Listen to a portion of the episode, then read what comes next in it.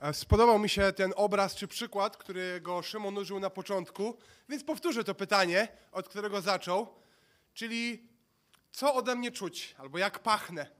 To jest obraz, dla, który przemawia do wyobraźni niektórych mocniej, do wyobraźni niektórych trochę mniej, ale co ode mnie czuć rzeczywiście, co po mnie, y, co we mnie widzą inni.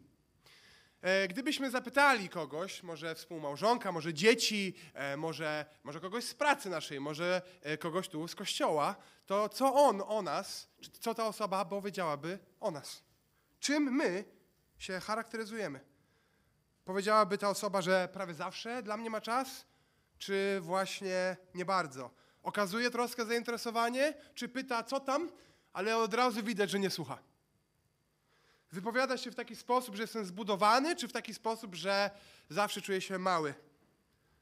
Żyje z pasją, ma radość w tym, co robi, czy jest przytłoczony? Żyje myśląc o sobie, czy żyje myśląc o innych? Żyje myśląc o tym, co przyziemne, czy żyje myśląc o Ewangelii? Dzisiaj przeczytamy i omówimy cały list. Jest on krótki. W naszej serii docieramy już do samego końca Biblii. I w tej serii zarezerwowałem sobie 40 minut i dzisiaj znów, tak jak ostatnio, wykorzystam je w całości, ale nie będę cały czas tutaj z przodu stał, ale e, na końcu rozbijemy się w mniejsze grupki i porozmawiamy. I nie chodzi o to, żeby zapamiętać, co było i będzie potem kartkówka i odpytka, e, jak ktoś przed zasugerował może, ale żebyśmy podzielili się wnioskami, myślami. I to jest list, w którym widzimy kontrastującą postawę dwóch osób. Dwóch, może powiedzielibyśmy, liderów kościoła. Może byśmy powiedzieli, że są diakonami, to znaczy gospodarzami, którzy usługują swoim domem, żeby się spotykał kościół. Może powiedzielibyśmy, że są starszymi, może nauczają, ale co jest ważniejsze niż ich rola, to, że widzimy ich postawę i e, czytając o nich, możemy trochę sami się z tym skonfrontować.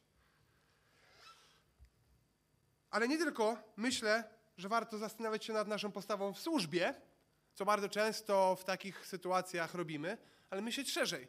Nie tylko o tym, jak ja się w tym wąskim wycinku mojego działania w kościele zachowuję, co po mnie widać, co czuć, ale myśleć o swoim życiu szerzej, o naszych motywacjach, o naszym podejściu, o naszych priorytetach.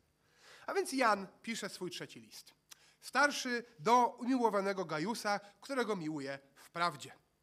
I Jan tytułuje się, tak jak w drugim liście, starszy, czyli prezbiter, czyli lider, i pisze imiennie do Gajusa. I jest pewna hipoteza, nie będę jej dzisiaj ani jakoś podkreślał, ani rozbijał, ale mówi ona o tym, że te trzy listy Jana razem jechały.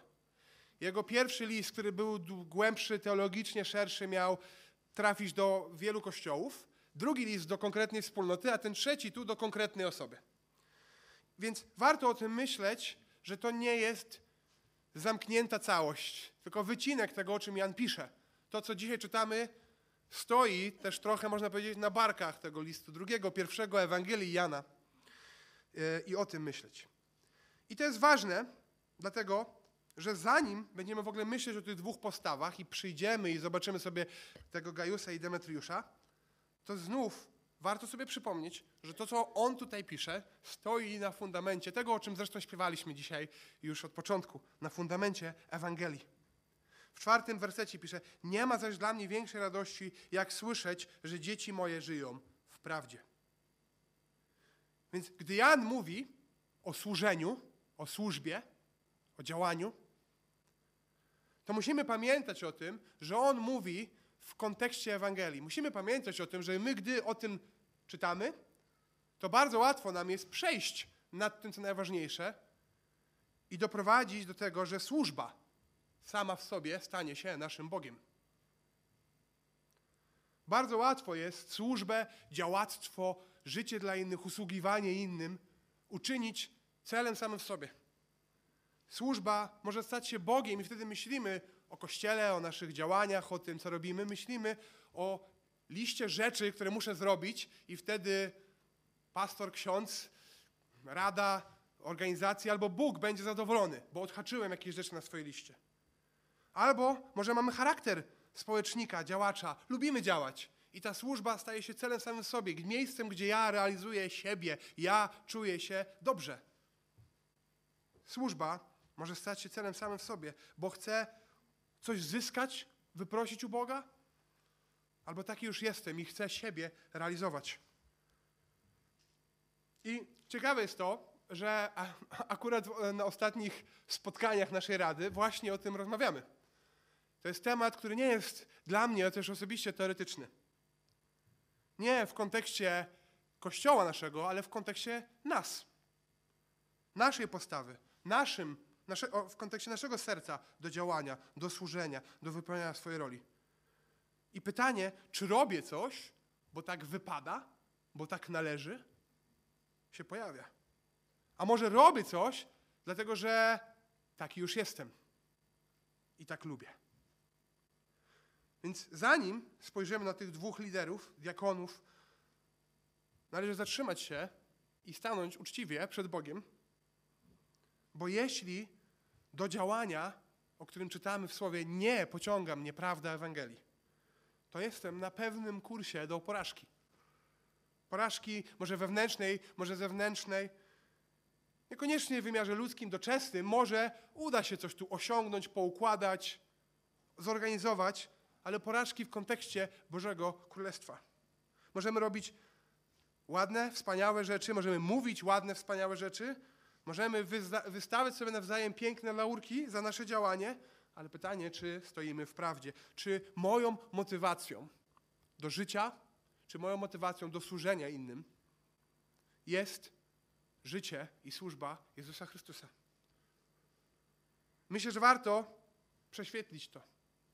Prześwietlić to na poziomie teorii i w działaniu. Spojrzeć z jednej strony swoje serce, ale z drugiej strony na owoce. Czy moją motywacją do życia i działania i służby jest życie, działanie i służba Jezusa? Więc to takim tytułem może tła i wstępu, a teraz spójrzmy te dwa przykłady w tym liście. Umiłowany, modlę się o to, aby ci we wszystkim, ci się we wszystkim dobrze powodziło i abyś był zdrów tak, jak dobrze się ma dusza Twoja. Uradowałem się bowiem bardzo, gdy przyszli bracia i złożyli świadectwo o rzetelności Twojej, że Ty istotnie żyjesz w prawdzie. Nie ma zaś dla mnie większej radości, jak słyszeć, że dzieci moje żyją w prawdzie. Umiłowany, wiernie postępujesz, gdy wyświadczasz usługi braciom, zwłaszcza przychodniom którzy złożyli świadectwo przed zborem o miłości Twojej i dobrze postąpić, jeśli wyprawisz ich w drogę, jak przystoi przed Bogiem.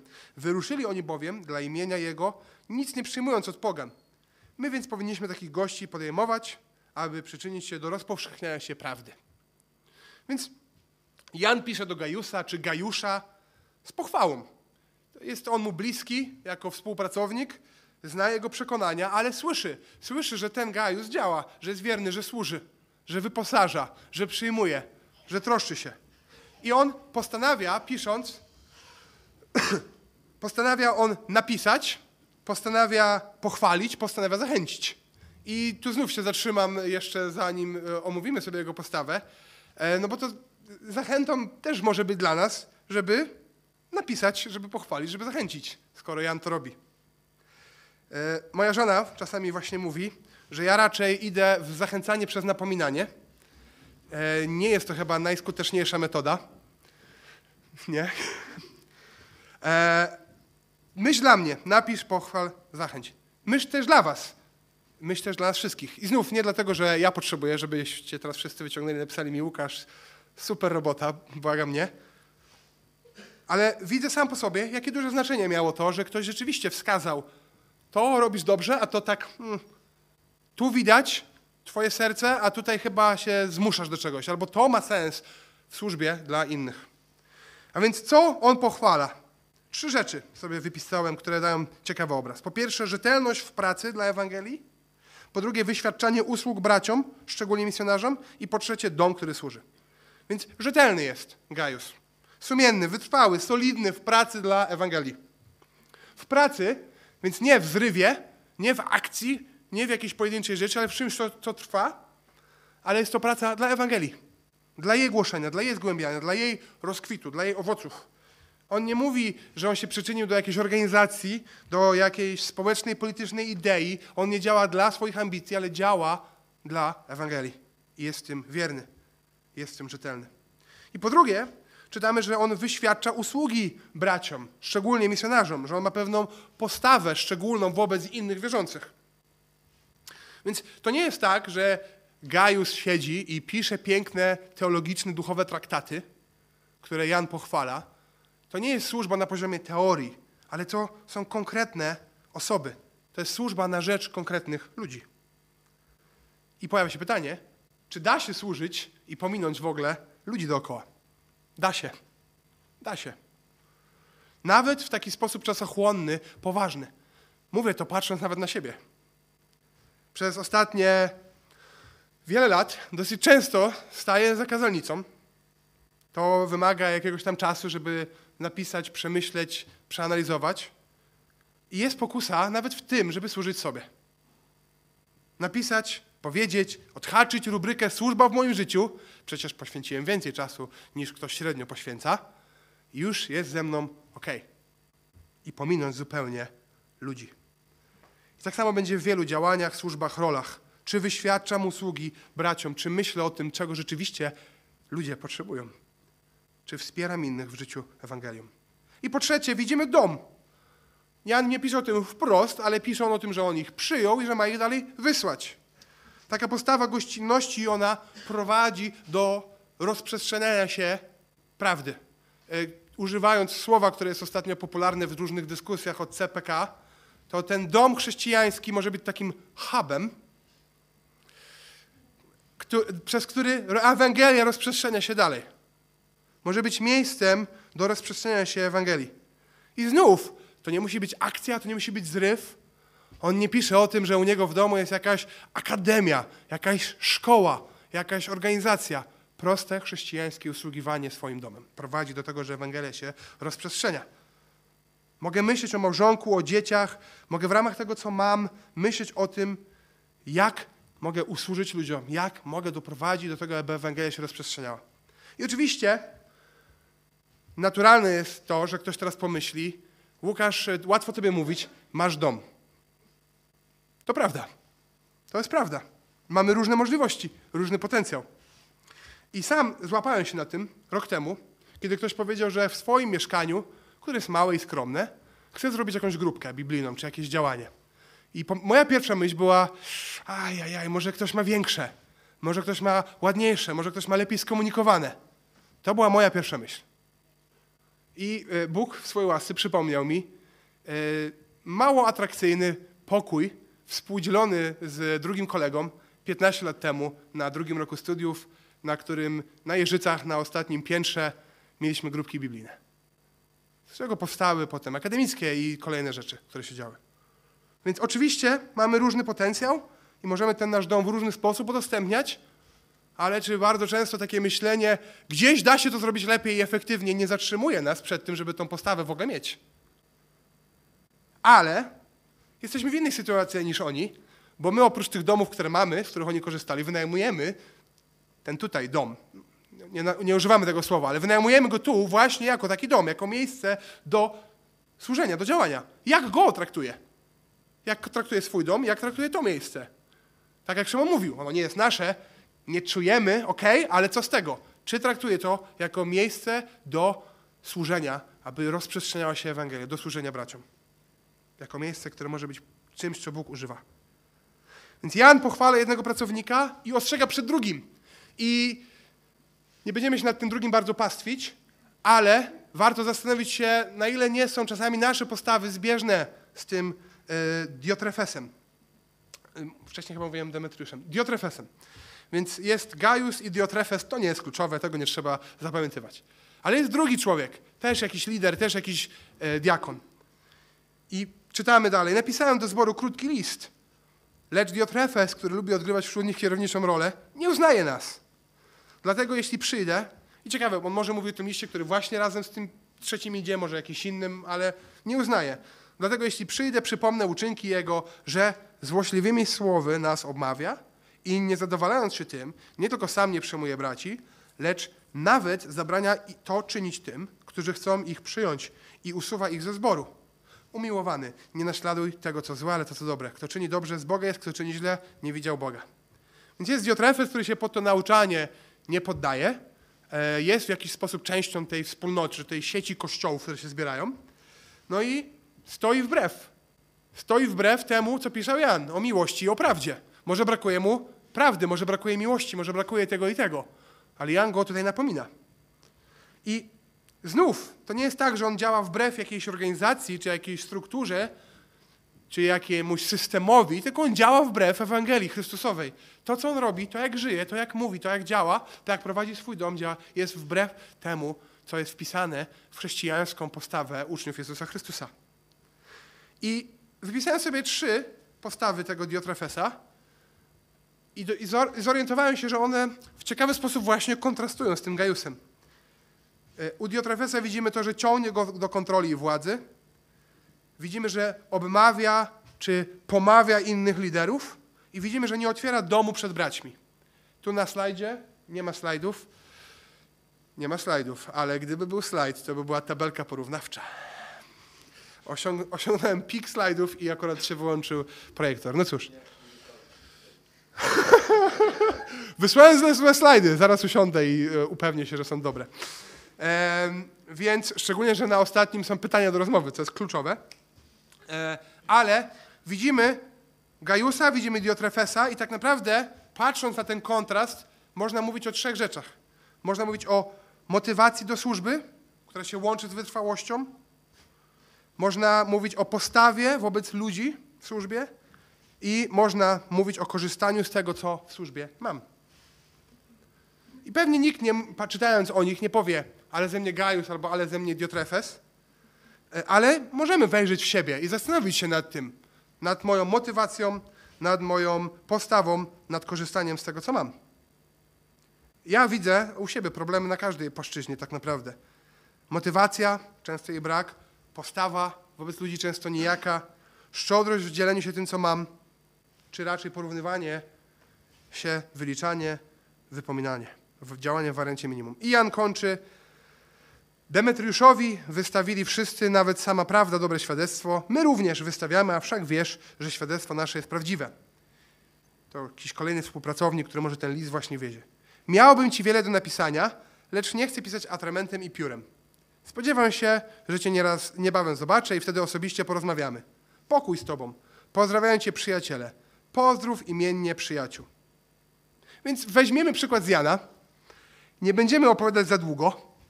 Y, weźmiemy zachętę, żeby porozmawiać. I zacznijmy oczywiście od pozdrowień. E, tak jak mówiłem, mam 40 minut, wykorzystałem niecałe 20, więc 20 z leciutkim hakiem mamy, żeby porozmawiać. Więc za chwilkę chcę, żebyśmy się dobrali tak, żeby usiąść w 3, 4, 5 osób i porozmawiać, i poznać się, przedstawić, i później będą wyświetlone pytania, zaraz to jakoś ogarnę, przez które mamy sobie przejść. Nie chodzi o to, żeby przejść przez nie po kolei, zdążyć przejść przez wszystkie, ale żeby o tych rzeczach, o których mówiliśmy, porozmawiać. Więc E, pytania, jakie mamy do rozmowy, które wypisałem sobie i które będą, mm, no, gdzieś tam pewnie zaraz będą, e, lecą w tym momencie w formie tekstowej do Patryka, który umieści je jakoś na slajdzie na pewno. E, a ja przeczytam je najpierw. Pytania, które mamy. Po pierwsze, kiedy służenie innym staje się naszym Bogiem? Jak to się objawia? Może mamy jakieś przykłady?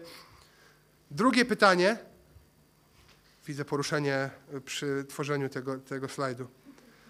Zobaczymy. Ja będę mówił wolniej, oni będą działać szybciej i się może spotkamy. Drugie pytanie. W jaki sposób dbać o motywację? Więc po pierwsze, kiedy służenie staje się Bogiem naszym, jak to się objawia, czy mamy jakieś osobiste przykłady. Po drugie, w jaki sposób dbać o motywację w służbie, kiedy nam brakuje tej rzetelności, wytrwałości, kiedy chwytamy się złej motywacji. Trzecie pytanie, kiedy naszym problemem w służbie jest postawa wobec ludzi? Po czym to poznajemy? Kiedy łatwiej nam przychodzi zachować postawę miłości. I po czwarte, dlaczego użyczanie domu i innych rzeczy, które mamy, bywa w służbie takie trudne? Kiedy przychodzi nam to łatwiej, kiedy trudniej, co użyczamy chętniej, co nie bardzo. Porozmawiajmy o tym, ale zróbmy to technicznie w taki sposób, że najpierw obrócimy się do siebie tak, żeby być w 3, 4, 5 osób, E, przedstawimy się, można w międzyczasie e, wstawać i się napić kawy i wody. Nie muszą wszyscy mówić po kolei, kto chce, ten się wypowiada, kto nie, to nie. E, zachęcajmy się do rozmowy, a ja będę w międzyczasie starał się przypominać, ile mniej więcej czasu nam zostało.